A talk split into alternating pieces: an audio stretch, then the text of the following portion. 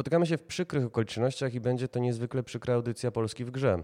Bezpośrednim zapalnikiem dla naszych dzisiejszych spotkań, dla naszych dzisiejszych rozmów jest sytuacja wokół Chrisa Avelona, który został w weekend oskarżony o polowanie na młode dziewczyny, upijanie ich, zaciąganie do pokoju hotelowego i próbę wykorzystania. Wyciekły też SMS-y, w których projektant prawdopodobnie samemu będąc pod wpływem oferował e, koleżance znajomej seks oralny.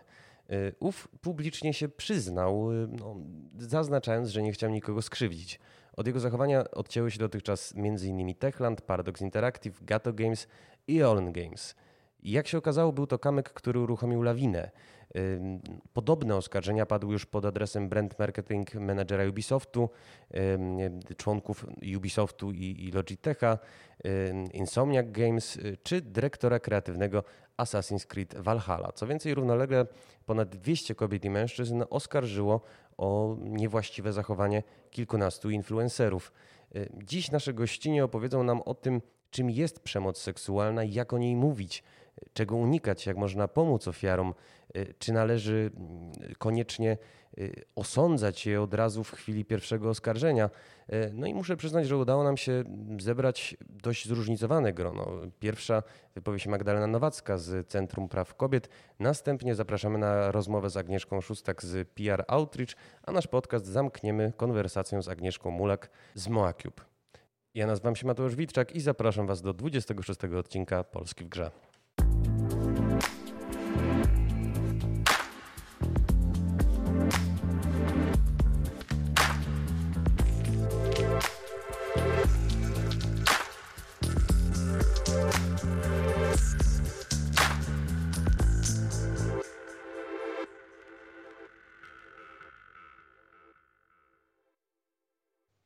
Y, I moją pierwszą gościnią jest Magdalena Nowacka z Centrum Praw Kobiet. Dzień dobry. Y, y, pani Magdaleno, ja się chciałem zapytać, bo śledzę teraz publikacje na temat no, tych wszystkich przypadków, o których przed chwilą powiedzieliśmy. I mam trochę problem, przyznam szczerze, z tym, jak o nich mówić, to znaczy jak o nich pisać. Jeszcze pamiętam z doświadczenia pracy w newsroomie, że mieliśmy problem w ogóle z przekładaniem artykułów z języka angielskiego, bo jest rzeczywiście bardzo dużo słów, które no, w angielszczyźnie dobrze osiadły, tak jak, nie wiem, sexual predator, e, predatory behavior, e, sexual assault, sexual comment, sexual misconduct, a w polszczyźnie jest z tym, odnoszę wrażenie, problem. Czy, czy się mylę? Znaczy, zależy, gdzie pan zauważa problem. W czym zauważam problem? No na przykład w tym, że e, chociażby te e, seksualne komentarze w czytelniku polskim wydaje mi się trochę wywołują co innego niż w czytelniku zagranicznym. Tutaj się raczej spotkałem z, takimi, z takim zdaniem, że no przecież to był flirt, przecież był jakiś taki nieokrzesany ten lovelas z braku lepszego określenia, a tutaj w angielszczyźnie jest silnie ugruntowane, że jeżeli jest sexual comments bez bez zgody tej drugiej strony, to, to jest coś zdecydowanie niewłaściwego. Mhm. Znaczy, no my jesteśmy do tyłu. Pierwsze doniesienia o tym, że jest coś takiego jak świadoma zgoda w Stanach Zjednoczonych pojawiały się już w latach 70. U nas pojawiały się tak naprawdę w ostatniej dekadzie. Tak mam wrażenie i wciąż wydają się nieraz radykalne, kiedy o tym mówimy. No język polski nie jest łatwy do mówienia o przemocy. Tutaj nawet pomijam fakt, że mamy tego sprawcę i ofiarę, co też już tworzy nam jakąś trochę hierarchię tutaj, kto tutaj jest ubezwłasnowolniony. Bardzo lubimy używać słowa nadużycie seksualne, co stawia nam pytanie, czy jest użycie seksualne, a po prostu ktoś nadużył jakiejś osoby. E, więc to też nam trochę tak stawia Um, zabiera podmiotowość. Używanie osoby to jest, jest w tym coś bardzo niewłaściwego, odnoszę wrażenie właśnie tak nadajemy trochę, że jakaś osoba jest podmiotem w, tym, w tej relacji, a jakaś jest przedmiotem i ten przedmiot można używać, dopóki się nie przekroczy jakiejś granicy. Trochę tak to wygląda. W naszej kulturze też cały czas trochę pokutuje to nasze przedstawianie seksualności. To, że jednak um, ta zgoda nie jest taka istotna, a nawet jest zbędna, biorąc pod uwagę to, że E, kobiety powinny być uległe wobec mężczyzn i to mężczyźni muszą w jakiś sposób zdobywać te kobiety, co już sobie ma taki trochę pierwiastek przemocowy, co trochę angielski to pokazuje, predator jako ten drapieżnik, mhm. zdobywca. I że to jednak to nie jest już model, który powinniśmy zachować, on już jest nieaktualny, jeżeli kiedykolwiek był. A proszę mi powiedzieć, bo wydaje mi się, sądząc przynajmniej po komentarzach na popularnych portalach branżowych, że powinniśmy trochę też porozmawiać o takich kwestiach bardzo podstawowych. To znaczy, jakie sytuacje w relacji są niedopuszczalne? Czy no to wszystko zależy od indywidualnej relacji. Na pewno już takie założenie w relacji, że ktoś ma jakiś obowiązek do wykonywania jakichkolwiek zachowań seksualnych, to już raczej świadczy o tym, że tutaj już mamy nierównowagę sił. I też tutaj może zacznijmy nawet, czym jest ta świadoma zgoda. Mhm. Chodzi o to, że e, warto się upewnić, zanim w ogóle rozpoczniemy jakieś zachowania seksualne, tego, czy ta druga osoba rzeczywiście tego chce. E, I to nie jest takie łatwe wyczuć to e, tylko intuicyjnie, tylko po zachowaniu. E, dlatego warto zawsze w jakiś sposób sobie to utwierdzić. I tutaj też jest pytanie, kiedy ta świadoma zgoda występuje. Czy jeżeli ktoś jest na przykład w stanie upojenia alkoholowego, to czy rzeczywiście jest w stanie wyrazić świadomą zgodę? Myślę, że prawie każdy, kto tego słucha i kiedyś był pod wpływem alkoholu, to jest coś, czego żałuje. Więc warto czasem się zaopiekować taką drugą osobą. Um, no, są bardzo proste zależności, jeżeli chodzi o zachowania seksualne, tak naprawdę w tych relacjach. Czyli jeżeli druga osoba nie jest w stanie wyrazić zgody, nie jest do końca w, w, trzeźwym stanie świadomości, e, to raczej świadczy o tym, że powinniśmy zrezygnować z tego. No ja patrzę na to trochę tak jak jazdę po pijanemu, że możemy wsiąść w samochód będąc pijanym, z pijaną osobą i może nic się nie wydarzy, i może nie będzie wypadku, nie zatrzyma nas policja i spoko, udało się, ale może być też tak, że jednak dojdzie do tragedii i wtedy jest to tylko i wyłącznie nasza wina. Więc tutaj pytanie, czy chcemy ryzykować to, że kogoś skrzywdzimy, bo wyraził zgodę po pijaku, e, i będzie tego żałować następnego dnia i poczuje się skrzywdzony, skrzywdzona, czy może lepiej zrezygnować z tego, odpuścić sobie i nie ryzykować tego, że komuś robimy krzywdę takie pokryte założenie. Jest to założenie bardzo słuszne i, i naprawdę no, no przyklaskuje. E, ale ten alkohol czy substancje psychoaktywne szerzej to jest tylko jeden z wątków, które wracają jak bumerang w sekcjach komentarzy. Bardzo często się też pojawia e, taki zarzut, że e, kobieta przypomniała sobie w cudzysłowie o sytuacji sprzed lat, bo na pewno chce, ja wiem, jakąś osobistą, wymierną korzyść otrzymać, nie wiem, y, źle się jej teraz wiedzie, chce zwiększyć sobą y, zainteresowanie, a tak w ogóle to dlaczego po paru latach wraca do tej sytuacji, czy wtedy nie mogła tego zgłosić? I wydaje mi się, że powinniśmy się też z tym rozprawić. Mhm. Znaczy z tym mitem dotyczącym tego, że jeżeli to było nadużycie, to nadużycie właśnie zgwałcenie, to powinna osoba od razu na to zareagować. No cóż, e, niestety z przemocą seksualną takie jest tak samo jak z każdą inną formą przemocy, czyli e, nie potrafimy zazwyczaj na nią zareagować natychmiastowo.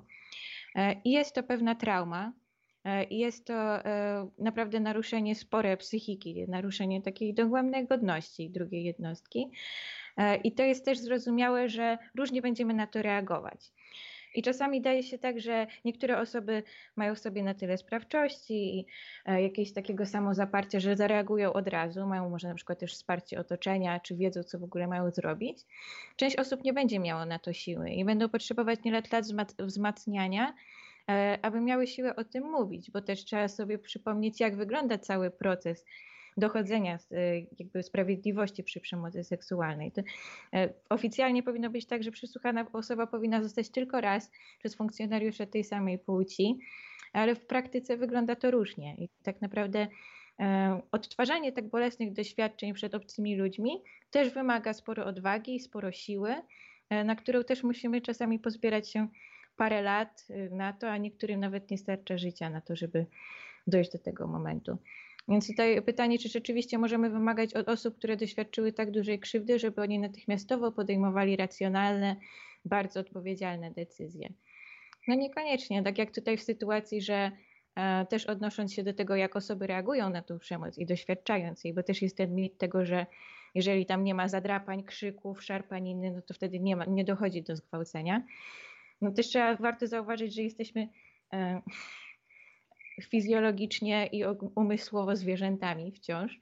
E, I mamy różne reakcje na stres, kiedy uderza kortyzol. Jedną z nich jest walka i oczywiście często to się wydarza, ale równie często występuje chęć ucieczki, lub ale także zamrożenie.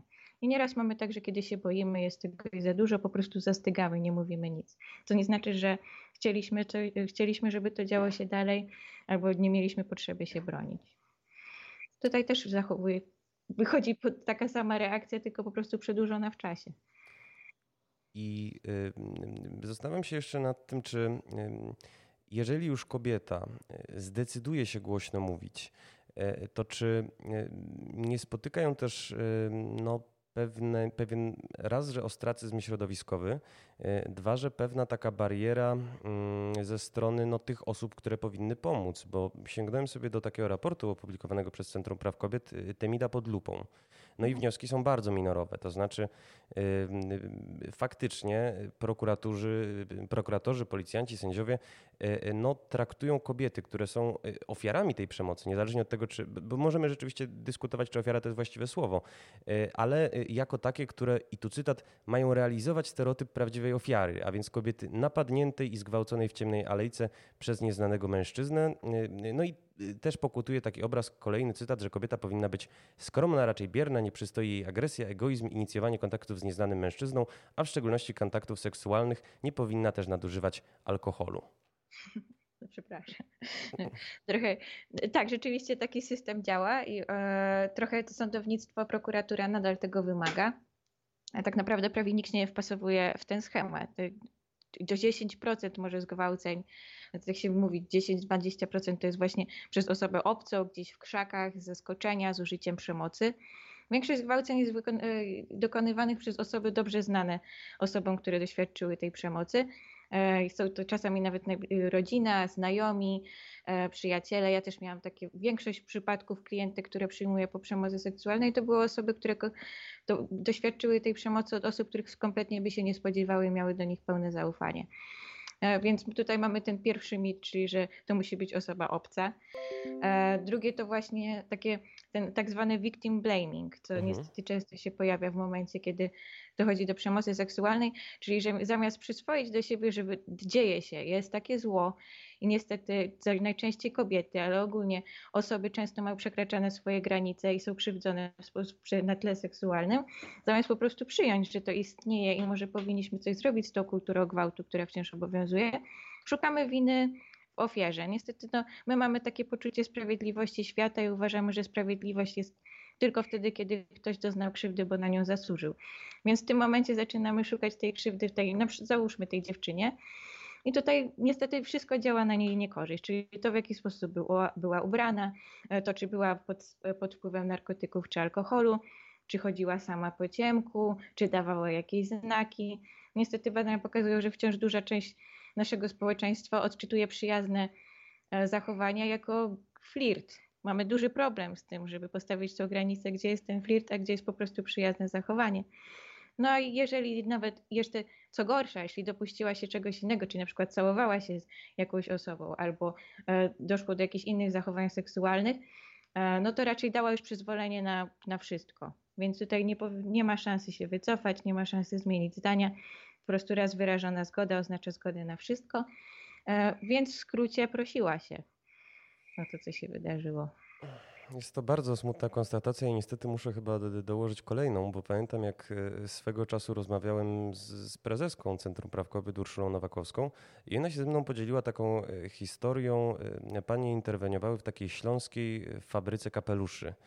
I to była historia, w której kierownik zmiany klepał, ocierał się, jakieś niedwuznaczne propozycje y, swoim koleżankom y, składał. One się już w pewnym momencie zaczęły mm, zmawiać, żeby chodzić dwójkami, żeby chociaż trochę to ukrócić. No natomiast faktycznie znalazła się jedna y, odważna dziewczyna, która no, weszła na drogę sądową. No i jest rzeczywiście ta bariera ze strony sądów, prokuratorów, policji, o której mówiliśmy, ale w dodatku tutaj zaistniał taki brak no, solidarności środowiskowej, bo koleżanki, które doskonale wiedziały, co się w tej fabry fabryce dzieje, nie chciały zeznawać, argumentując to, że przecież mężowie nie wiedzą, że ludzie będą gadać, e, że trudno o pracę w małym miasteczku, a one mają kredyty.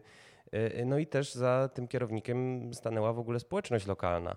I pytanie, jak możemy sobie poradzić no, z tym brakiem solidarności, takiej bardzo fundamentalnej? Mhm. Znaczy tutaj Ten brak solidarności często wynika z takiego mechanizmu, który niestety mamy cały czas mocno trzymać w naszym społeczeństwie, czyli wtórnej wiktymizacji. Boimy się tego, że już raz zostaliśmy skrzywdzeni, na przykład będąc molestowaną w pracy, i boimy się, że jeżeli to zgłosimy i to się stanie jakby taką głośniejszą sprawą, a prawdopodobnie stanie się głośniejszą sprawą nawet za sprawą zgłoszenia tego na policję, to, to, to oni też źle zareagują, nie pomogą, może nawet wyśmieją, otoczenie będzie gadać, e, nie wiadomo, co, jak rodzina na to zareaguje, więc staniemy się ofiarą po raz drugi. I czasem wolimy sobie oszczędzić tego bycia ofiarą po raz drugi i po prostu pogodzić się że z, z tym, że raz staliśmy się ofiarą i sprawiedliwość nie nadejdzie w tej kwestii. E, po prostu boimy się tego, że zostaniemy skrzywdzeni po raz drugi przez jeszcze większą grupę ludzi. Dlatego wycofujemy się z tego nawet w imię wycofania się z Solidarności. E, chociaż też mam wrażenie, że nie zawsze tak się dzieje, no ale to jest jeden z czynników, który, który może na to wpływać. Niestety wymaga to wiele samozaparcia i wsparcia siebie nawzajem. Ja myślę, że to jest takie kluczowe, że powinniśmy jak najczęściej, nawet jeżeli sprawa nas nie dotyczy, pokazywać, że rozumiemy i wierzymy e, i nie, nie negujemy wszystkiego z automatu, to może sprawić, że ta solidarność będzie jednak większa, ale tymczasem mamy takie społeczeństwo i kulturę, w której szybciej nam się oberwie niż dostaniemy to wsparcie. Stąd może wynikać to wycofanie. A czy to jest taka immanentna cecha Polaków i, i na Zachodzie jest lepiej pod tym względem? Znaczy, jak patrzę na te afery co do przemocy seksualnej, na przykład w Stanach Zjednoczonych, to nie wydaje mi się wcale, że jest lepiej. Więc trudno mi powiedzieć tak naprawdę. No na pewno pomaga w tym prawo. Jeżeli prawo ma na przykład szersze niż w Polsce kategorię tego, czym jest przestępstwo seksualne. Jeżeli te kary są inaczej wymierzane niż u nas, my mamy bardzo niskie kary zazwyczaj. Znaczy zgwałcenie jest od 2 do 12 lat, większość zostaje 2 lata, 3. E, I e, jeżeli to jest bardziej piętnowane ze strony państwa, to jasne, że na pewno to wspomaga, to, że wtedy to jest ta taka pozytywna roszczeniowość, czyli wtedy mamy siłę do tego, żeby szukać swoich praw, dociekać tej sprawiedliwości, również w sądzie. E, ale dopóki to jest umniejszane i cały czas ta przestępczość e, seksualna jest jakimś takim niszowym tematem u nas, a bardziej skupiamy się na tych ofiarach, które doświadczyły przemocy. No nawet jak patrzę na te artykuły, to przecież e, zdjęcie zazwyczaj tego, załóżmy mężczyzny, najczęściej są takie proporcje, mężczyzny, który dokonał tego, tego przestępstwa seksualnego, jest ubrany w garniturze, wygląda na poważnego mężczyznę. Zdjęcie tej dziewczyny to zazwyczaj jakieś wygrzebane zdjęcie w bieliźnie albo w krótkiej sukience. Już trochę to pokazuje, jaki mamy stosunek do tego, kiedy opisujemy takie sytuacje. Więc i myślę, że to się utrzymuje wciąż na Zachodzie i to trochę potrwa, bo to jest też kwestia mentalności, tego kiedy zamiast mówić o przemocy seksualnej będziemy się skupiać na tym, jak osoby, które jej doświadczały, mogły tego uniknąć, a bardziej o tym, jak możemy uniknąć robienia krzywdy innym. Może to by coś zmieniło też. Mm, a proszę mi powiedzieć, y, bo to jest bardzo dobry punkt wyjścia, żeby porozmawiać o tym, co my powinniśmy zmienić e, w prawie polskim. E, a w zasadzie wydawało się jeszcze kilka lat temu, że jesteśmy na dobrej drodze, żeby e, ta zmiana zaszła. Przypomnę, że prezydent Komorowski podpisał zresztą w Warszawskim Centrum Praw Kobiet konwencję antyprze, antyprzemocową. E, no, w której są e, w zasadzie rozwiązania oczywiste w większości krajów europejskich. Dlaczego e, one nie są w Polsce wprowadzane i co zakładają, co powinniśmy w tym prawie zmienić? Mhm. Znaczy, no, po prostu w kraju, innych krajach europejskich trochę rozszerzono ten artykuł dotyczący zgwałcenia. Tam ogólnie jest bez wyrażenia zgody doprowadzenie, doprowadzenie kogoś do obserwowania płciowego, kto nie wyraził na to zgody. U nas wciąż jest tak wy, e, wciąż wybrzmiewa to, że to jest przemocą, groźbą bezprawną lub podstępem. I z jednej strony to są szerokie kategorie, z drugiej strony są takie, które się wymykają temu. I um, niby jest na przykład e, gwałcenia małżeńskie się temu wymykają, mhm. które u nas wciąż nie są zbyt respektowane. Powinna niedługo wyjść książka o zgwałceniach małżeńskich e, napisana przez Feminotekę, ale no i u nas ona wyjdzie pierwszy raz, pierwszy raz w Stanach wyszła w latach 70. i 90. E, no i e, takie właśnie takie zgwałcenie małżeńskie, czy zgwałcenie w związku, którym to jest połączone z z jakimś takim przymusem w związku z, z, rolą pełnioną, bo przecież kiedy jest się małżeństwem, to jest to pewien obowiązek obcowanie płciowe, mówiąc językiem prawnym, albo też jakichś innych zależności, które są trudne do wychwycenia prawnie. A tak naprawdę najistotniejsze powinno być to, czy ta świadoma zgoda wybrzmiała czy nie wybrzmiała. No u nas trzeba jednak dowadniać wciąż, że to była przemoc, czy ta groźba, czy też podstęp. Mhm. Podstęp zazwyczaj mamy tutaj na myśli albo upicie kogoś alkoholem, albo dodanie jakichś narkotyków, jak tabletka gwałtu. Więc to jest trochę takie zawężające, że trzeba trochę e,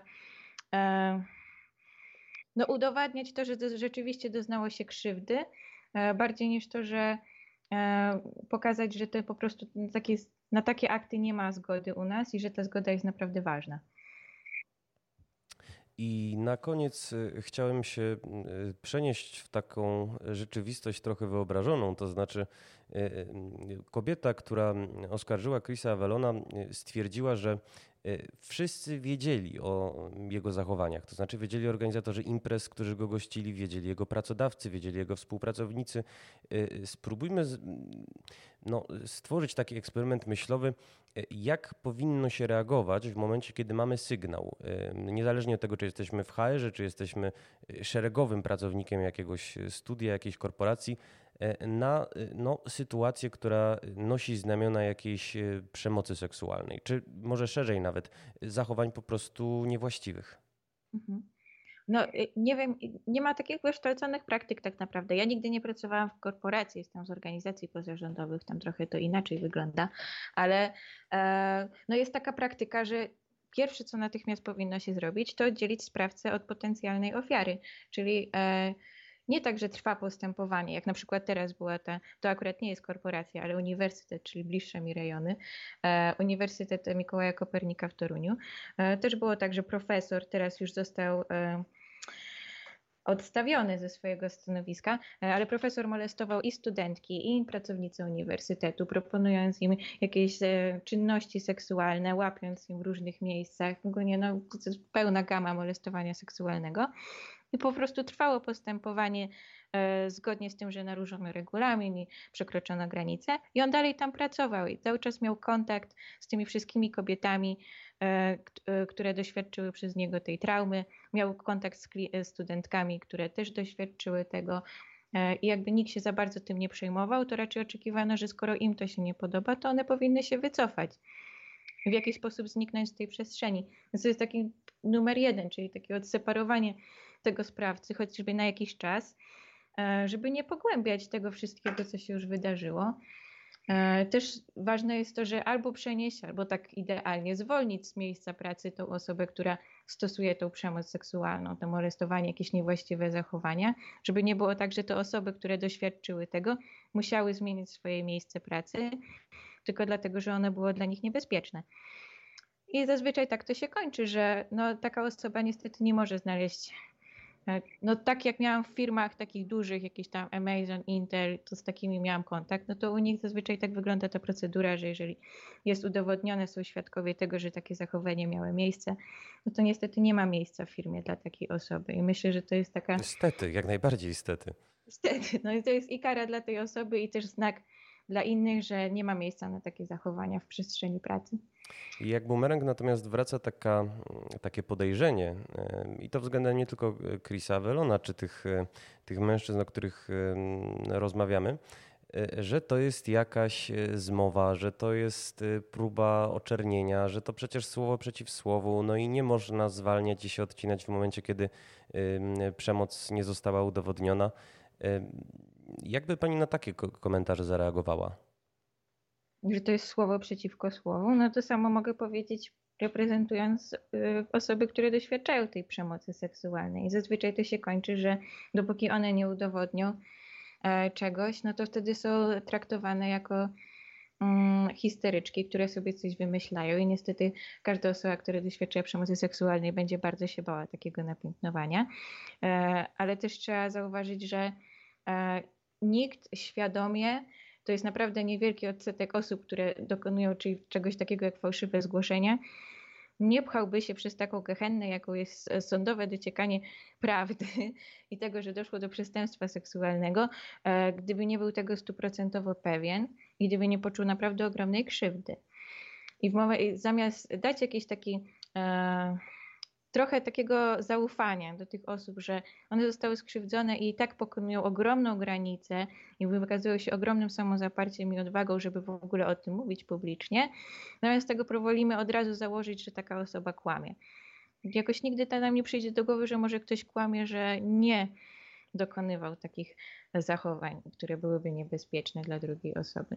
Więc tutaj pytanie, no słowo przeciwko słowu, pytanie, e, kto zostanie bardziej skrzywdzony, jeżeli zostanie e, nazwany kłamcą. Tutaj każda strona pewnie mogłaby co innego powiedzieć.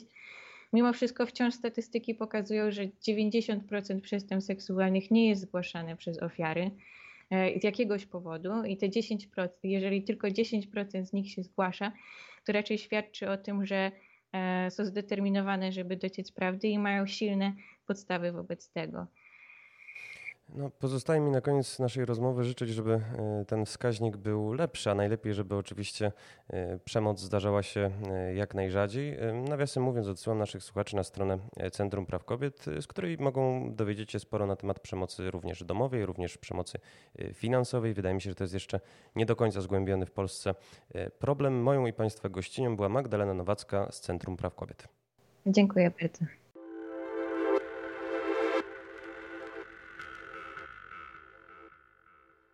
I wracamy, a naszą kolejną gościnią jest Agnieszka Szustak z agencji Peer Outreach. Cześć. E, Aga, e, rozmawialiśmy z Magdą Nowacką z Centrum Praw Kobiet e, o sytuacji bieżącej i o tych oskarżeniach, które nas, no, no, spłynęły na nas w weekend. Natomiast temat nie jest w naszej branży niestety świeży. Niestety, mogę się pod tym stwierdzeniem też podpisać. To znaczy, to co jest przykre, to jest to, że raz na jakiś czas fala oskarżeń, fala tego typu historii powraca i to zarówno w naszej branży, jak i w innych branżach, co trochę stwarza takie dosyć przygnębiające wrażenie, że mimo tego, że o tym problemie się mówi, mówi się coraz więcej i coraz głośniej, to tak naprawdę nic się nie zmienia. E, I um, sprawa cichnie na jakiś czas, e, po czym ktoś znowu dochodzi do swojej granicy, gdzie stwierdza, że już dłużej nie może milczeć Mm, e, zaczyna mówić o problemie głośno, dołączają inne osoby, znowu na jakiś czas robi się szum, potem sytuacja się wycisza i tak naprawdę nic się nie zmienia i to jest chyba najbardziej przygnębiająca konkluzja tego wszystkiego, co się teraz dzieje. E, a powiedz mi, e, przewidujesz, że co się stanie w długiej perspektywie, w perspektywie paru lat z karierami i Chrisa Velona i tych no, oficjeli Ubisoftu czy, czy, czy z Insomniac Games? Wiesz co, obawiam się, że oni e, wylądują na cztery łapy. Nie wiem, czy zwróciłeś uwagę na fakt, że tak naprawdę mimo pojawiających się oskarżeń, e, to nikt nie został e, ukarany w rozumieniu takim stricte prawnym. To znaczy nikogo mhm. nie skazano, nikomu nie postawiono zarzutów. Oczywiście e, to tyle, co, co, co z mojej wiedzy wynika. Może być tak, że e, kobiety, które dzielą się tego rodzaju historiami, po prostu tego nie zgłaszają. Może mm, poza historią, którą chcą i mogą się podzielić, e, nie mają żadnych dowodów. No trudno je mieć w takiej sytuacji. A jeżeli nie masz dowodów, to trudno ruszać na, na ścieżkę prawną. Mm, ale tak samo jak nic się nie wydarzyło po tego rodzaju i to bardzo ciężkich oskarżeniach, bo zarówno oskarżeniach związanych z molestowaniem, jak i oskarżeniach związanych z mobbingiem w pracy, mm, więc nic się nie wydarzyło, nic e, takiego stricte właśnie prawnego nie spotkało Steve'a Wattsa, czyli byłego naczelnego IGN-a. On w tej chwili pracuje w jednej z amerykańskich firm e, konsultingowych, ma się świetnie, E, tyle, że e, zmienił branżę i nie jest naczelnym IGN. No pytanie, czy to jest wystarczająca kara, pytanie, czy jest jakakolwiek kara, że to, co się wydarzyło, zmusiło um, tego człowieka do zmiany stanowiska i ścieżki kariery, ale to właściwie tyle. No jakby w kontekście oskarżeń, z którymi mamy do czynienia, mnie osobiście wydaje się to dosyć mało. I myślę, że tak samo może być z Chrisem e, bądź z innymi osobami, um, co do których dzisiaj E, podnoszone są tego rodzaju oskarżenia. To znaczy, no, przetoczy się ta fala i oni, tak jak powiedziałam, pewnie w taki czy inny sposób wylądują na cztery łapy. Wiesz co, jakby na potwierdzenie Twoich słów zrobiłem sobie y, research odnośnie do takich głośnych przypadków przemocy seksualnej z ostatnich lat w naszej branży. I patrząc, mam wynotowane cztery osoby. To znaczy Jeremy Sol, który został oskarżony w zeszłym roku przez projektantkę o gwałt, a przez wokalistkę o molestowanie. Y, no on zaprzeczył, one nie wniosły zarzutów. Nie wiadomo, nie, nie, słyszymy jeszcze jego nowej muzyki, natomiast jest, y, jest aktywny, o tym wiadomo. Alexis Kennedy, który y, no, również mocował się z podobnymi oskarżeniami, no w zasadzie nie wiem, czy to już mu jest wybaczone, czy nie, bo media już informują o kolejnej jego grze, Book of Hours. Zresztą te same media, które informują o tej grze, nie informowały często o oskarżeniach względem niego. Paul Troff, który no, był bohaterem y, takiej bardzo głośnej kilka lat temu sprawy związanej z prezentowaniem y, nieletnim treści pornograficznych. Yy, tutaj chodziło, to jest w ogóle jeden z wysoko postawionych twórców, który remasterował pierwszego Larego. I w pewnym momencie młodej dziewczynie zaprezentował, nieletniej, podkreślmy, film, na którym jej chłopak uprawia miłość ze starszym mężczyzną, no co wedle prawa amerykańskiego jest no, bardzo, bardzo surowo karane. Natomiast wykaraskał się, odszedł z game devu, założył e, e, taką firmę, która się zajmuje dostawami marihuany, no i związał się z magazynem High Times, który też o tej marihuanie pisze. I w zasadzie, jak tak sobie analizowałem, kto poniósł rzeczywiście jakąś taką karę mm, która nie jest chwilową środowiskową infamią, no to jedyną taką osobą jest chyba e, Ale Kolowka, e, który no, odebrał sobie życie, bo jak się okazało po oskarżeniach Zoe Quinn, która mm, zarzuciła mu emocjonalne i fizyczne znęcanie się, okazało się, że cierpiał na problemy psychiczne, chodził do terapeuty, przyjmował leki, no i po, po prostu dla jego psychiki to było, to było za dużo. Powiedz mi w takim razie, Aga, jak my jako media powinniśmy na tego typu oskarżenia reagować? Jak o nich pisać? I to jest kolejny kłopot, który ja mam.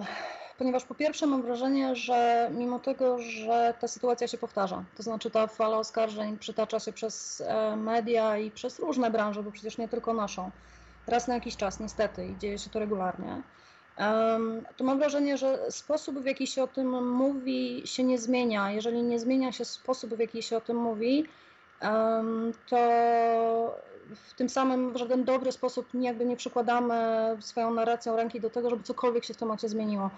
Mm, o co mi chodzi?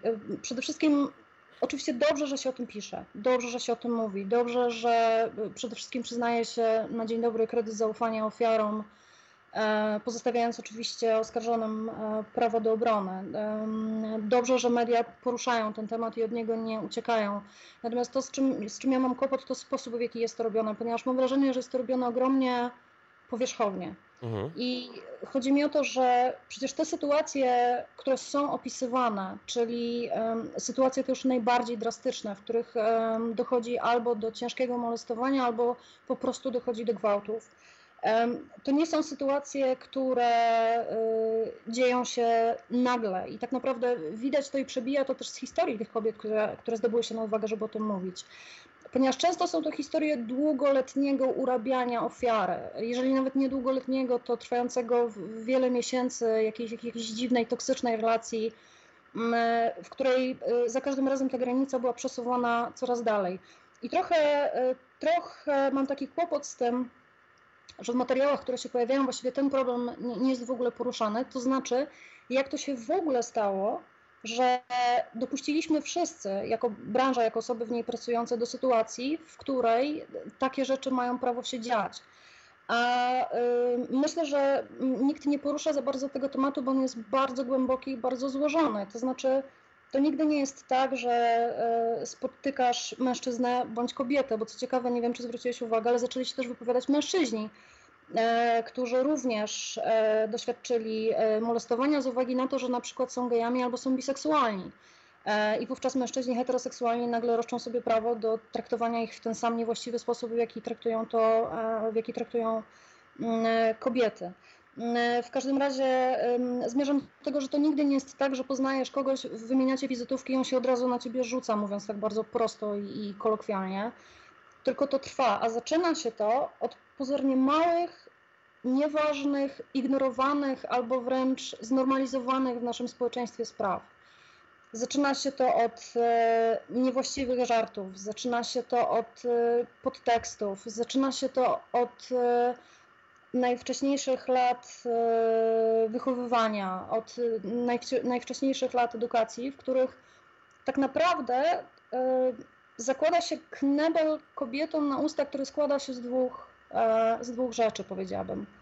Jedna rzecz to jest nie mów. Nie mów. Nie mów, bo, bo cokolwiek.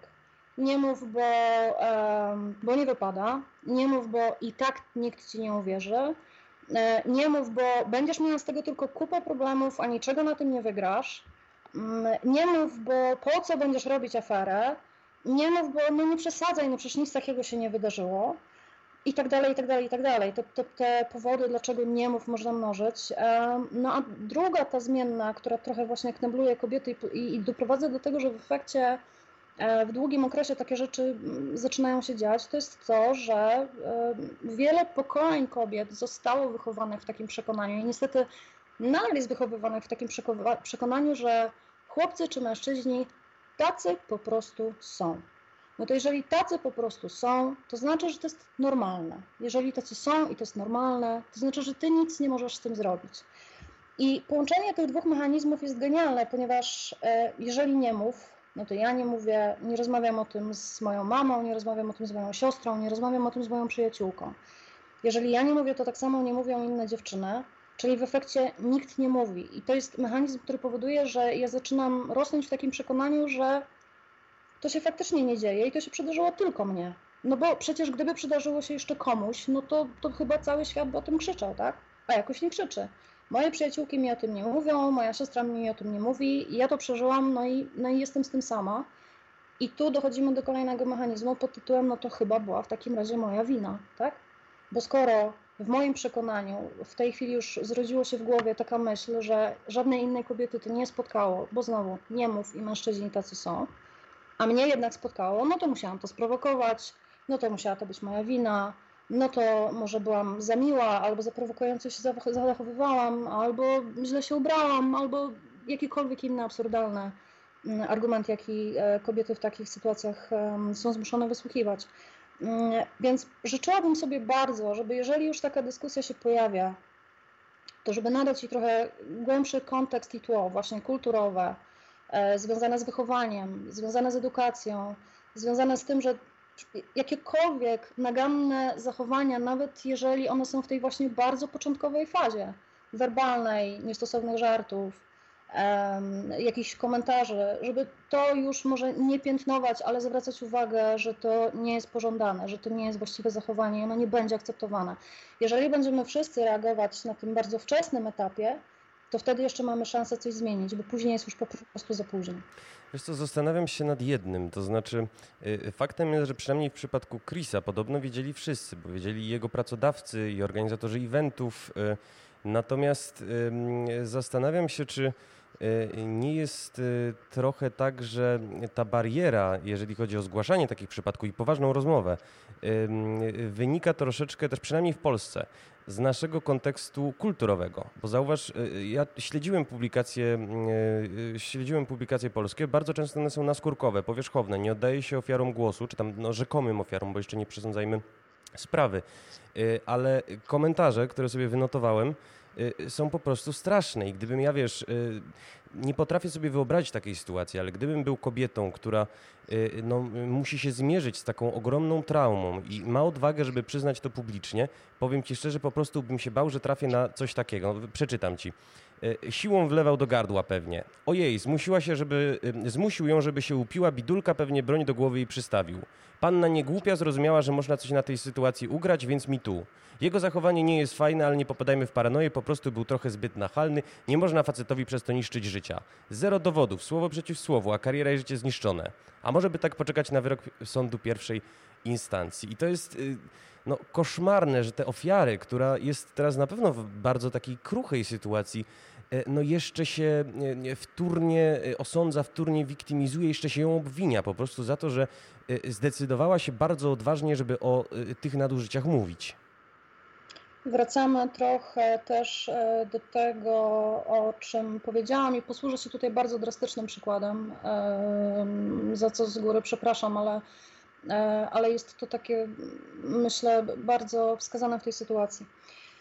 E, sporo lat temu miałam przyjaciółkę i podkreślam to słowo, przyjaciółkę, nie koleżankę, nie znajomą przyjaciółkę, bo to istotne do tej historii. Mhm.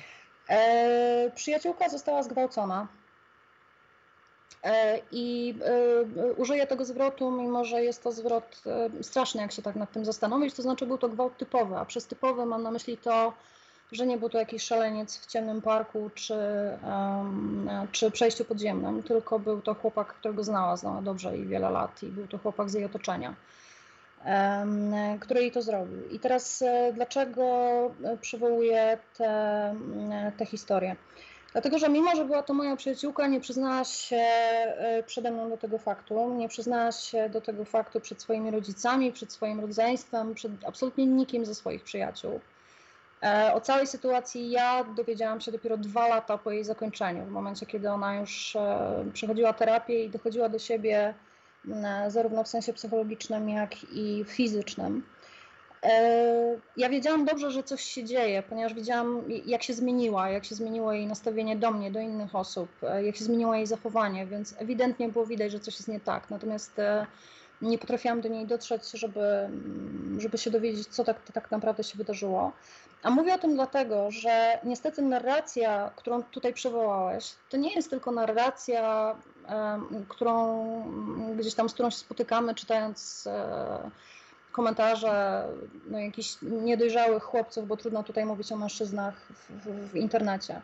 Tylko niestety jest to narracja, którą często kobiety słyszą na posterunku policji, którą słyszą na sali sądowej w momencie, kiedy już e, zdecydują się w ogóle zgłosić, że, e, że ktoś im wyrządził tak ogromną krzywdę. E, I myślę, że to jest, e, to jest bardzo duża część tego problemu. Ja rozumiem, że oczywiście zarówno w naszym, jak i w innych cywilizowanych systemach prawnych mm, obowiązuje zasada, że każdy jest uznawany za niewinnego, dopóki tej winy mu się nie, mm, nie udowodni. Jednocześnie nie powinno to oznaczać, że e, podchodzimy do mm, zeznań osoby, która, która deklaruje, że jest ofiarą, bez jakiejś elementarnej wrażliwości. I, I, w związku z tym e, tam moja przyjaciółka nie zgłosiła tego faktu na policję. Facet e, chodzi bezkarnie do dziś. Po tych dwóch latach, kiedy z nią o tym rozmawiałam, kiedy ona wreszcie przyznała się do tego faktu, to oczywiście było moje pierwsze pytanie. Dlaczego po pierwsze nie, nie powiedziałaś komukolwiek, przecież, przecież no, na tyle, na ile jakakolwiek pomoc jest w tej sytuacji możliwa, to wszyscy wyciągnęlibyśmy do ciebie rękę, ale po drugie, dlaczego nie, nie zrobiłaś nic, żeby tego gościa ukarać, żeby on poniósł konsekwencje tego, co zrobił. I niestety jej argumentacja była dokładnie taka. A kto by mi uwierzył? A nie było świadków, a się znamy, a mamy mm, jedyni, jedyni świadkowie, jacy są, to są tacy, że no przecież byliśmy w kręgu wspólnych znajomych i on nigdy w stosunku do mnie nie zachował się niewłaściwie. E, I co? I miałam iść na policję i powiedzieć co? I słuchać tych wszystkich komentarzy, że pewnie byłam pijana, albo go zachęciłam, albo miałam za krótką spódnicę. Miałam narażać na tą całą traumę moich rodziców, moje rodzeństwo, najbliższe mi otoczenie i tak dalej, i tak dalej, i tak dalej. I um, dopóki, dopóki to się nie zmieni, że osoby, niezależnie kobiety czy, mężczyzny, czy mężczyźni, którzy doświadczają e, molestowania, nie będą mieli pełnego przekonania, że e, to, co próbują zgłosić, spotka się z, e, jeżeli nawet nie ze zrozumieniem, to przy, przynajmniej z jakimś elementarnym właśnie szacunkiem i wrażliwością, no to zawsze będzie dochodziło do takich sytuacji i ta taka zmowa milczenia będzie obowiązywać, obawiam się. Straszne rzeczy mówi Żaga i niestety e, one znajdują potwierdzenie też, też w liczbach i w badaniach. Jest takie, taka publikacja sprzed kilku lat e, Centrum Praw Kobiet Temida pod lupą e, i z niej wynika, że Temida wbrew pozorom nie jest zaślepiona przez opaskę, tylko przez stereotypy. Pamiętam, że była taka konstatacja badaczek, że e, sądy, prokuratura, policja bardzo podejrzliwie patrzą e, na gwałty zgłaszane przez mężów czy osoby e, znajome, a jeżeli też na kobiety, które spożywały alkohol podczas czy przed tą sytuacją. No a jeżeli idą w ogóle z mężczyzną same do domu, to no, połowa prokuratorów i policjantów twierdzi, że to jest równoznaczne z zezwoleniem na obcowanie straszna droga przed nami do pokonania i, i, i, tak naprawdę nie wiem, e, może tym powinniśmy tę rozmowę zakończyć. Co my powinniśmy zrobić, żeby, żeby było lepiej, żeby takie sytuacje jak te, o których rozmawiamy dzisiaj i o których pewnie jeszcze będziemy wiele razy rozmawiać, nie zdarzały się albo zdarzały się jak najmniej? Ja myślę, że zanim przejdę do tej takiej trochę, mam nadzieję, optymistycznej nuty, to jeszcze dorzucę tej mniej optymistycznej, czyli obawiam się, że e, no, są takie pokolenia, które w pewnym sensie są już stracone. To znaczy, to jest pokolenie Chrisa, to jest e, moje pokolenie, e, ponieważ i kobiety, i mężczyźni zostali wychowani w pewnym określonym modelu. I teraz mężczyźni tacy jak ci, którzy spotykają się z oskarżeniami, mają już jakby swoje lata, bagaż doświadczeń, ukształtowany światopogląd, i nazwij mnie cynikiem, ale naprawdę jest mi po pierwsze trudno uwierzyć w szczerość przeprosin, które się pojawiają na fali tych oskarżeń, e, a po drugie w to, że jakby to cokolwiek zmieni, że to zmieni ich model zachowania. Jeżeli się czegoś spodziewam, to tego, że na przyszłość po prostu będą ostrożniejsi i nie dadzą się już złapać za rękę i będą bardzo pilnowali tego, żeby nikt nie miał na to dowodów. Natomiast nie wierzę, żeby to jakby zmieniło w ogóle ich podejście do kobiet, czy, czy sposób, w jaki, w jaki się zachowują. Ale widzę nadzieję dla tego młodszego pokolenia. Tylko warunek jest jeden. Z dziewczynkami trzeba rozmawiać. Co jest akceptowalne, co nie jest akceptowalne, co jest dozwolone, co nie jest dozwolone co jeszcze mieści się w granicach żartu, a na co już powinny reagować. E, I tak samo powinniśmy rozmawiać z chłopcami, bo dzieciaki jeszcze mają przed sobą, a co za tym idzie, my mamy przed sobą tę szansę, że e, może będą podchodzić do świata i do siebie nawzajem jednak inaczej. I może to, co dzisiaj jest uznawane za naturalne, za normalne i za no przecież mężczyźni tacy są, to za parę, naście, dziesiąt lat e, wcale takim normalnym nie będzie się wydawało. Tylko warunek jest jeden. Reagować muszą kobiety, reagować muszą e, mężczyźni, reagować muszą rodzice, wychowawcy, szkoła, na każde, absolutnie każde, nawet właśnie to wydawałoby się początkowo niegroźne e, zachowanie i wtedy widzę szansę na, na zmianę taką trwałą i długofalową.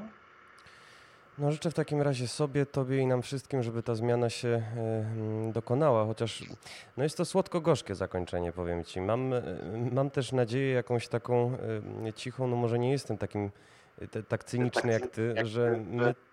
Oj, coś nam tutaj echo się czyni. Ja cię słyszę jakby co. Ty mnie słyszysz, dobrze. No mam po prostu nadzieję, Aga, że również nasze pokolenie się czegoś po prostu nauczy i może musimy się nauczyć może się musimy nauczyć po prostu taką trudną drogą, bo wydaje mi się i pozwól, że, że trochę zaoponuję, że w ciągu 10 lat y, trochę się nauczyliśmy rozmawiać o y, nadużyciach seksualnych, trochę się nauczyliśmy rozmawiać o, o przemocy, o odmienności. Y, wiesz, ja za swojego życia doświadczyłem potężnej zmiany jakościowej, jeżeli chodzi o język, jeżeli chodzi o sposób w ogóle rozmowy o, o, o tematyce przemocy seksualnej. No więc może tym optymistycznym akcentem faktycznie, e, faktycznie zakończmy. Ja, ja, oczywiście gdzieś tam się zgadzam, wierzę w to, że docelowo ta zmiana jest możliwa. Chyba jestem tylko mniej optymistyczna, jeśli chodzi o to, e, jaki jeszcze czas musi do tego momentu upłynąć. Piękne Ci dzięki. E, moimi Państwa gościem była Agnieszka Szustak, agencja PR Outreach. Dziękuję.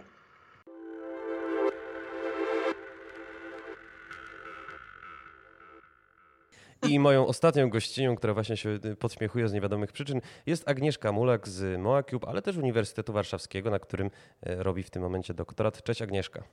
Cześć. E, Agnieszka, zacznę trochę prowokacyjnie. Mm, przeczytałem sobie na jednej, y, na jednej ze stron popularnych polskich taki komentarz odnośnie do wątku Insomniac Games w, w tej sprawie, o której dzisiaj rozmawiamy. Cytat.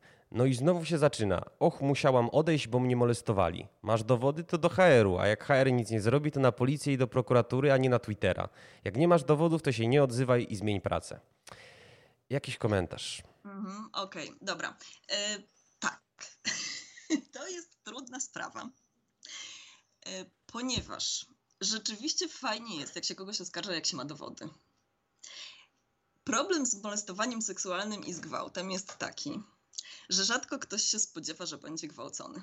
Gdyby się spodziewał, to raczej nie jakby do problemu by nie doszło w ogóle.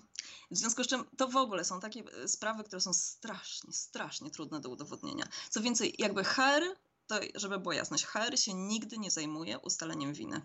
To czym się HR zajmuje? Policji, bo takie sprawy jak trafiają na policję, to, to siedzą tam latami, 10 lat i zazwyczaj bardzo, znaczy zazwyczaj bardzo często E, również w Polsce jest tak, e, że nie ma ostatecznego rozwiązania, bo nie ma dostatecznych dowodów, bo te sprawy po prostu są bardzo trudne. Dzieją się często w sytuacjach, gdzie jest alkohol, więc w ogóle trudno ustalić, co się stało w taki sposób, który jest normalny, tak? czyli taki, który stosujemy do wszystkich pozostałych spraw. I No, stąd, no i dobra. stąd y, rozsądzamy to trochę inaczej. Sprawdzamy, czy ktoś komuś zrobił krzywdę. e, I zazwyczaj pierwszą e, instancją, która musi coś z tym zrobić, jest HR i no właśnie, i zadbać o ludzi. Ale jak HR ma Już. zareagować w takiej sytuacji, bo y, no, pojawiają się y, nagłośnione przez media oskarżenia. y, Dowodów na winę, jak wspomniałaś, nie ma i być może w ogóle nie będzie.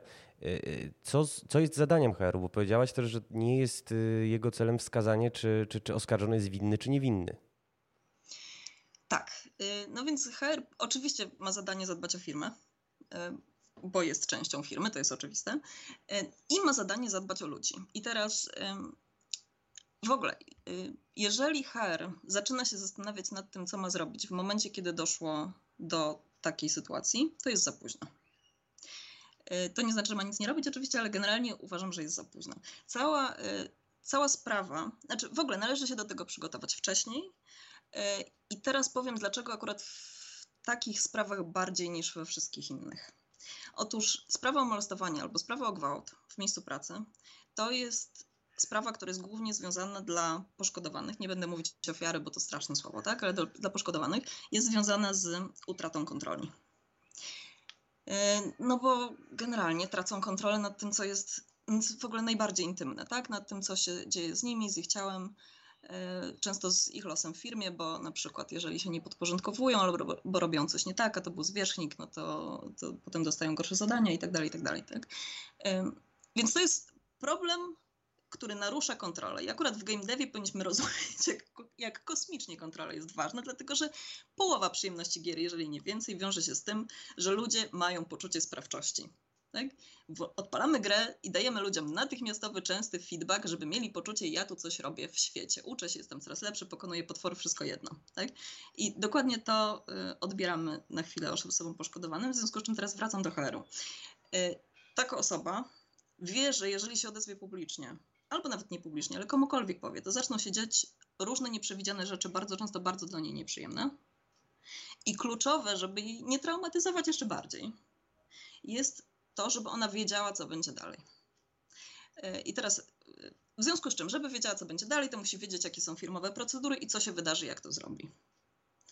Co oznacza, że HR powinien natychmiast w momencie, kiedy wchodzimy do firmy, dawać ludziom em, razem z NDA-em, razem z umową do, do podpisania prostą, łatwą do zrozumienia procedurę o tym, co się będzie działo w przypadkach molestowania. I teraz, ja oczywiście mówię o ofierze i za chwilę wszyscy, znaczy wszyscy, za chwilę dużo osób się będzie oburzać, y, że, y, że dbam tylko o jedną stronę. No więc o drugą stronę też powinniśmy zadbać, oczywiście. Y, I ta druga strona też powinna wiedzieć, co się dokładnie będzie wydarzać, jeżeli zostanie oskarżona o to, że kogoś molestowała. A co się powinno wydarzać w takim razie tak modelowo, jak poradzić sobie z takim kryzysem? Okej, model, modelowo dbamy o obydwie strony, więc obydwie strony powinny móc przedstawić swoją, swoje racje i swoje dowody. Modelowo nie robimy tego publicznie. Oczywiście. No dość tak? oczywiste. Mhm. E, Sadzanie osoby, która właśnie przed chwilą przeszła traumę, e, przed panelem ekspertów to jest straszny pomysł. E, W związku z czym prosta procedura, która powinna dbać o to, żeby to się zadziało możliwie szybko, tak? Po, więc tak, po pierwsze, czas. Są takie sytuacje, kiedy ktoś na przykład zgłasza do HR-u, a potem jeszcze musi przez półtora roku z kimś pracować. Tak, wiadomo, że ta sytuacja się skończy albo bardzo źle, albo po prostu osoba, która y, wniosła oskarżenie, odejdzie z pracy, bo tego nie wytrzyma. Ponieważ potencjalny sprawca, jak się dowie, że jest o coś oskarżany, no to jest, siłą rzeczy będzie reagował na co dzień. W związku z czym, na dzień dobry, odseparować ich i skrócić tą sytuację, która jest trudna dla obu stron, i oskarżającej, i oskarżanej. Czyli zrobić tą procedurę zamykającą się w dwóch miesiącach, trzech miesiącach. No i utajnić. Tak? To znaczy powołać komisję, żeby to nie, nie oceniła tego jedna osoba, tylko mm, sprawić, że, sprawić, że kilka osób tajnie, nie opowiadając tego wszystkim, zbiera dowody i decyduje o tym, co z tym zrobić dalej, tak, żeby jak najlepiej zadbać o ludzi. Nie po to, żeby spra- sprawdzić, czy on rzeczywiście, i teraz mówię on, bo to zazwyczaj w tym kierunku jest tak, ale czy co tam dokładnie się wydarzyło, kto, kogo, jak i dlaczego. Okej, okay, a może w takim razie skręćmy w taką alejkę bardziej, ja wiem, spróbujmy zapobiegać, a nie leczyć. To znaczy, jak zorganizować sobie pracę w firmie, żeby do takich zachowań nie dochodziło albo dochodziło jak najrzadziej. No tak. Tu chyba dochodzimy do tego miejsca, o które ja Cię poprosiłam jeszcze przed wywiadem. E, to znaczy do tego, no tak, do tego miejsca, co robić, żeby tak nie było. I bardziej chyba mam komentarze na temat tego, co robić, jeżeli jesteśmy pracownikiem game dev. Ponieważ instytucjonalnie to, co możemy robić, to możemy mieć normy. E, możemy zwracać uwagę na takie zachowania, ale to wtedy musielibyśmy się nauczyć, jak takie zachowania wyglądają i jak je rozpoznawać. A je jest bardzo ciężko rozpoznawać, e, ponieważ to jest tak, ludziom się wydaje, że jak jakieś molestowanie tutaj się będzie odbywać w okolicy, to na pewno je zauważymy. Otóż nie, raczej, raczej go nie zauważymy. Ja sobie sprawdziłam statystyki przed tą rozmową. W dużych miastach średnio 13% kobiet y, doświadcza, doświadczyło przynajmniej raz w życiu jakiegoś molestowania o charakterze seksualnym od współpracowników lub przełożonych CEBOS 2018. 13%. Więc istnieje, jeżeli mamy dużą firmę, jest spora szansa statystycznie, że gdzieś wam się tam odbywa jakieś molestowanie silniejsze lub słabsze i go nie zauważamy. Tak? To jest też trudne, dlatego że ja nie wiem, jak to powiedzieć. Za chwilę wejdziemy w opis, jak działa molestowanie seksualne, i on będzie kosmiczny dla większości ludzi. Mhm. To może wejdźmy od razu, bo wiesz co, od razu y, muszę też naszym słuchaczom y, powiedzieć, że rzeczywiście Agnieszka ma raczej doświadczenia z y, małymi, sympatycznymi studiami i tutaj rzeczywiście prosiła mnie, żeby nie przenosić tej rozmowy na taki poziom korporacyjny. Tutaj moja nieuwaga, że, że, że chciałem temu nadać taki bardziej ogólny sznyt. No ale w takim razie może rzeczywiście powinniśmy porozmawiać o pojęciach, czym w takim razie molestowanie seksualne jest w ogóle. A, nie, znaczy w sensie, co pytasz, czy kiedykolwiek byłam w firmie, w której było ciekawe i nieco molestujące. Oczywiście, znaczy większość kobiet, które są w game przynajmniej czy jakieś takie doświadczenia, ma. To nie znaczy, że y, te wszystkie kobiety, które mówią, że wiedzą o co chodzi, gwałcone i mają traumę w życiu. Ale większość z nich przynajmniej troszeczkę wie o co chodzi. Zetknęła się w jakiś sposób. No, Oczywiście, że tak. Znaczy, w sensie, no takie mamy normy kulturowe. Tak, wiesz co, zresztą wejdę ci wybacz słowo, ale rozmawiałem, rozmawiałem tuż po wybuchu tej afery z e, Chrisem, e, z jedną koleżanką z game devu i ona jak czytała te e, posty, to miała taki tak odhaczała, że okej, okay, to, to widziałam tego, doświadczyłam, o tym słyszałam, to wiesz, nie, nie, wydawało się, że to jest jakiś incydent, tylko no w zasadzie takie są realia i też o to, o to chciałem zapytać, czy y, rzeczywiście będąc kobietą w game devie, y, no trzeba się liczyć z tym, że się z takimi sytuacjami zetkniemy?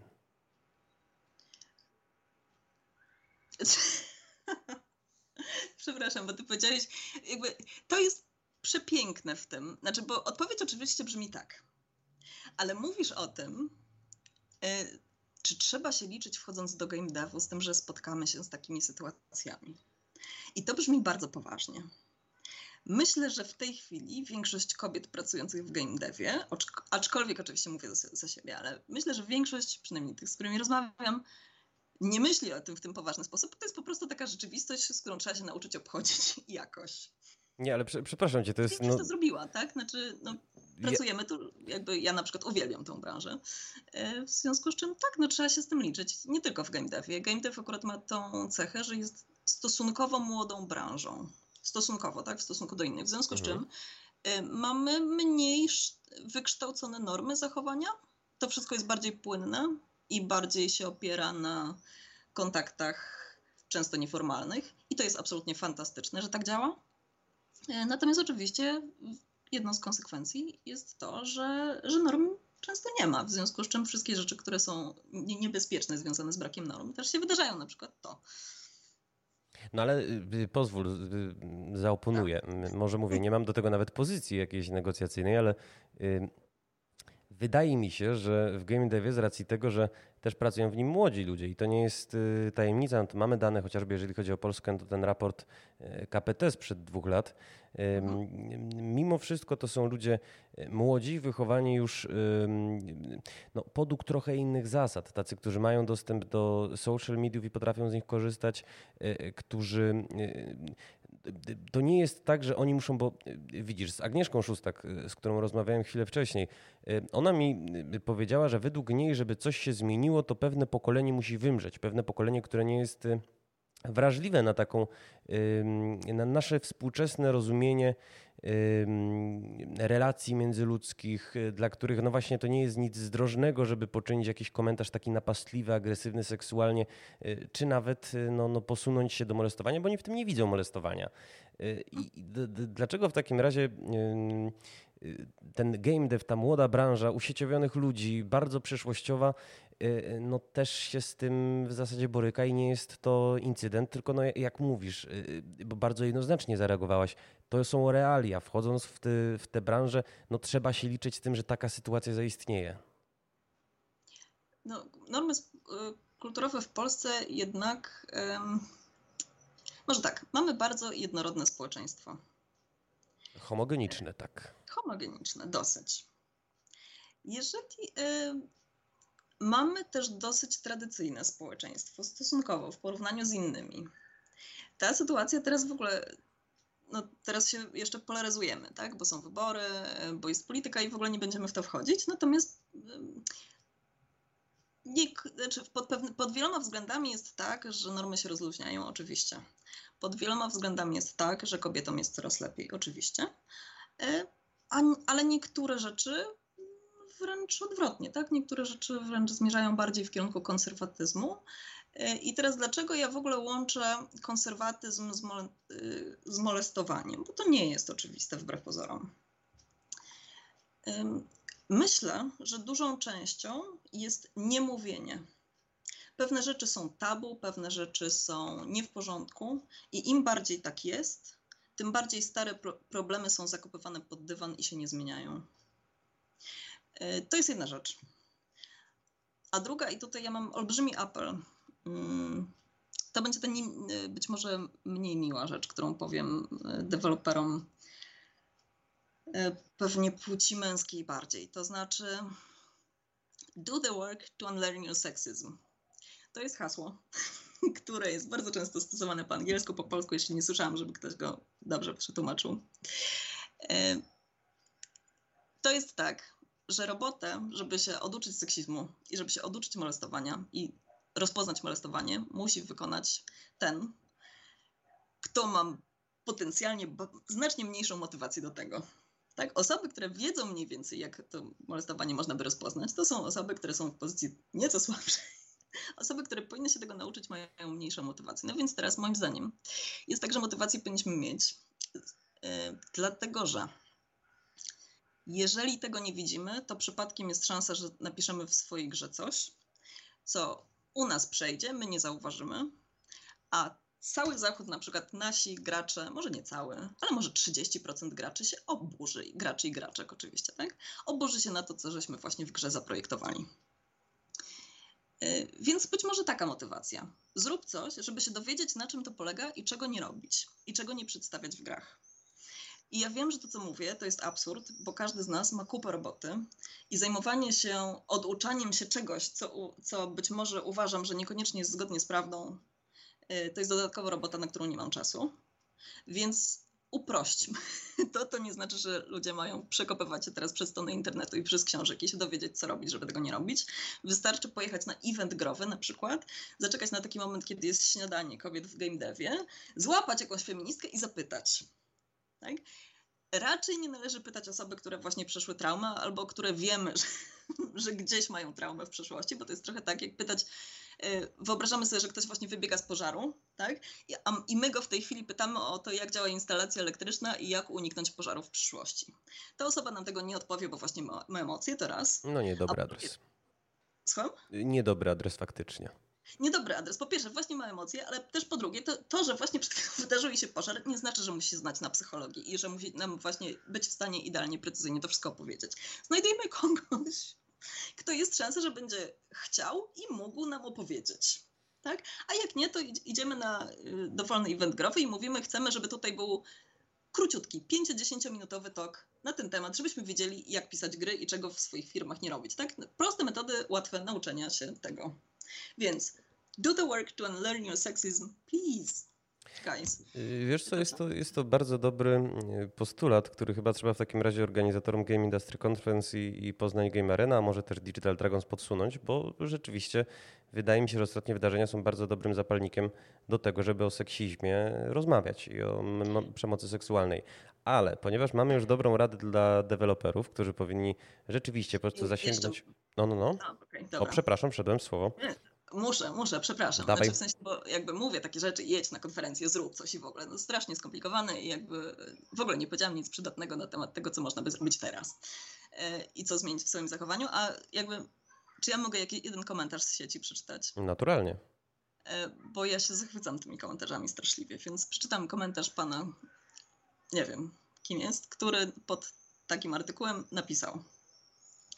Czyli Wielki Sąd Internetowy na podstawie głosowania na Twitterze skazał już tego człowieka bez możliwości obrony. E, no brawo, po co zawracać sobie głowę takimi pierdołami. Przepraszam, że i tutaj przechodzi, to jest niesamowite, że natychmiast od tego, że tam, tam jest problem na Twitterze, przechodzi pan do siebie. Przepraszam, że mam instrument oczy i usta. Instrumentem, jak rozumiem, jest penis, chociaż. Pytanie, czy potrafi na nim grać. Tak. E, dobra, zostawmy, zostawmy wszystkie jakby możliwe rzeczy, które można na ten temat powiedzieć. E, mam się już wykastrować, oślepić i wyciąć język, żeby uniknąć oskarżeń, e, a nie, to nic nie da, przecież zawsze można przypomnieć sobie krzywdy sprzed 20 lat. E, no i teraz tak. Jakby to jest bardzo agresywny ton, natomiast moim zdaniem mówi coś dosyć ważnego. To znaczy mówi, że są gracze albo deweloperzy, którzy mają obawy, że to samo przytrafi się im, mimo że nie zauważyli. Tak, no bo co nam mhm. mówi taki e, na Twitterze taka osoba, która właśnie została oskarżona? Mówi, ojej, nie wiedziałem. Ojej, myślę, że nie zrobiłem nic, nic złego. W związku z czym większość osób może pomyśleć sobie, o Jezu, to jeżeli on nie wiedział, a mu się to zdarzyło, to mi też może się zdarzyć. E, nie. Znaczy, w sensie bardzo proste. Co masz nie robić? Nie molestuj. E, ale jakby z takich najbardziej najprostszych rzeczy to jest po pierwsze, jesteśmy e, wychowywani, że milczenie oznacza zgodę, więc we wszystkich, we wszystkich dziwnych sytuacjach zapytaj o zgodę. To jest i po pierwsze, zapytaj o zgodę. Ja wiem, że w polskim społeczeństwie, gdzie jest tabu i tak dalej, to jest trudne. Chcesz, więc zapytaj o zgodę, mimo wszystko to zrobienie tej niezręcznej rzeczy jest lepsze niż alternatywa. A po drugie, nie bez powodu mówię, zapytaj o zgodę, a nie pytaj o zgodę. E, olbrzymim problemem jest, to jest trochę jak, jest taka chińska tortura, gdzie się spuszcza kropelkę wody komuś na czoło. Mhm. E, I to jest żaden problem, tak? No kropelka wody przecież nie boli. Ale jak się tak człowieka zostawi na kilka godzin, to jest tak, że ta jedna kropelka będzie powodowała olbrzymi ból. Ponieważ jedna rzecz, która y, tak samo jak to, że gdzieś jest hałas przez chwilę, raczej nam nic nie zrobi, ale jeżeli ma, mamy hałas y, przez tydzień non-stop za oknem, na przykład sąsiad robi remont i non-stop mamy hałas w mieszkaniu, to po pewnym czasie y, jakby reakcja jest zupełnie inna. Niewspółmierna wydaje się, nie? Bo to tak tylko troszeczkę hałasu. I trochę jest tak, że częścią tego wszystkiego jest to, że to są przedłużające się sytuacje, więc na przykład jeżeli ktoś w pracy słyszy nie, y, ale próbuje jeszcze raz, tak? Nie mówię tylko o seksie, tylko o czymkolwiek, tak? O, o jakichś niechcianych czymś, mhm. propozycjach, tak? Y, pytanie jeszcze raz i jeszcze raz i jeszcze raz. Jest szansa, że za chwilę ktoś wam powie, że kogoś molestujecie. Zapytaj o zgodę i jak usłyszysz nie, to nie pytaj jeszcze raz. Oraz, y, no, no i uwaga z rzeczami, dowcipami o kontekście, podtekście seksualnym, tak? No ale to zakładam, że wszyscy wiedzą. Mm, tak, trzeba je wygłaszać po prostu. Uważamy mhm. na nie koniec, tak? I nic wam nie będzie. Oczywiście te dowcipy o podtekście y, można w, w, sytuacji y, no, pewnej poufałości y, takiej dużej wygłaszać. Natomiast bardzo mi się podoba ta metafora chińskiej tortury wodnej. Pozwolisz, że no, nawinisz naszej audycją trochę przejmę jest takie bardzo ładne porzekadło, że kropla drąży skałę nie siłą, lecz ciągłym spadaniem. Więc y, powtórzmy na koniec, że rzeczywiście ta niezręczna kwestia, to zapytanie o zgodę jest absolutnie kluczowe. I może w polskim prawie nawet nie ma, y, nie ma takiego wymogu, to po prostu pozwala uniknąć no, krzywdy, ludzkiej krzywdy, ludzkiej krzywdy i, i później cierpienia cierpienia, które możemy sprawić. E, bardzo Ci dziękuję, że znalazłaś czas e, moim, moją i Państwa gościnią, bo widzisz, ja się jeszcze nie przestawiłem na feminatyw. E, swoją drogą głupia sprawa, żeby podczas takiej audycji się nie przestawić na feminatyw, była Agnieszka Mulak, Moa Cube oraz Uniwersytet Warszawski. Dziękuję Ci serdecznie.